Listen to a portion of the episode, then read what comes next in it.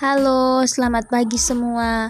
Perkenalkan, saya Angeberta Goo, mahasiswa bimbingan dan konseling Universitas Nusa Cendana Kupang. Jadi di sini saya akan menjelaskan jenis-jenis layanan dalam bimbingan dan konseling.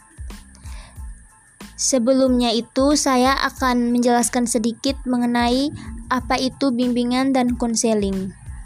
Jadi, teman-teman, bimbingan dan konseling merupakan proses pemberian bantuan yang dilakukan oleh seorang konselor kepada seorang konseli guna membantu konseli dalam mencari solusi untuk menyelesaikan masalah yang dihadapinya.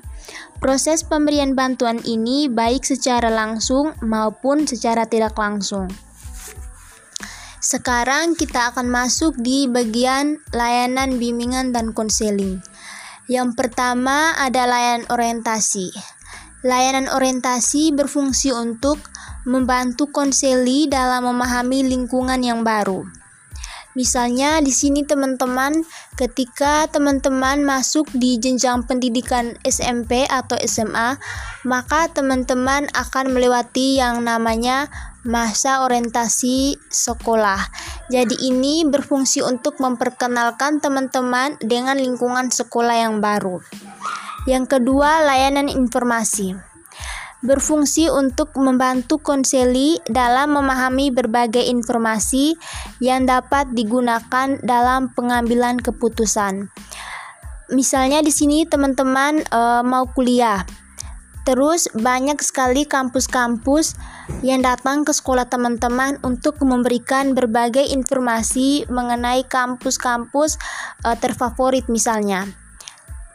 Yang berikut layanan penempatan dan penyaluran.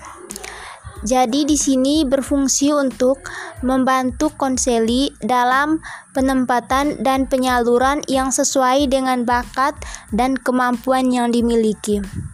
Misalnya ketika teman-teman masuk dalam jenjang pendidikan SMA, sebelumnya itu pasti teman-teman akan mengikuti tes. Nah, tes ini nantinya akan berfungsi untuk menempatkan teman-teman apakah teman-teman di jurusan bahasa, IPA maupun IPS. Yang berikut layanan penguasaan konten.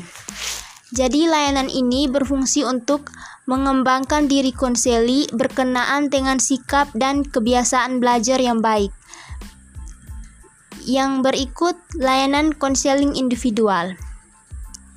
Jadi, konseling individual adalah proses belajar melalui hubungan khusus secara pribadi antara seorang konselor dan seorang konseli. Dan dapat disimpulkan bahwa layanan konseling ini ditunjukkan pada individu-individu yang sudah menyadari kehidupan pribadinya. Yang berikut layanan bidang kelompok. Layanan ini berfungsi untuk mencegah berkembangnya masalah atau kesulitan pada diri konseli, baik masalah yang berkaitan dengan pendidikan, pekerjaan, pribadi, maupun masalah sosial. Yang berikut, layanan konseling kelompok. Layanan konseling kelompok berupaya untuk memberikan bantuan kepada konseli dalam rangka memberikan kemudahan dalam perkembangan dan pertumbuhannya. Yang berikut layanan mediasi.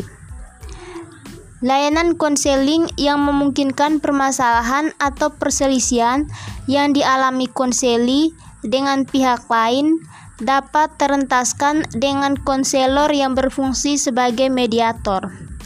Dan yang terakhir, layanan konsultasi. Jadi, pengertian konsultasi dalam bimbingan dan konseling sebagai suatu proses penyediaan bantuan teknik untuk konselor, orang tua, administrator, dan konselor lainnya dalam mengidentifikasi dan memperbaiki masalah yang membatasi efektivitas peserta didik atau sekolah. Mungkin itu saja dari saya. Sekian dan terima kasih.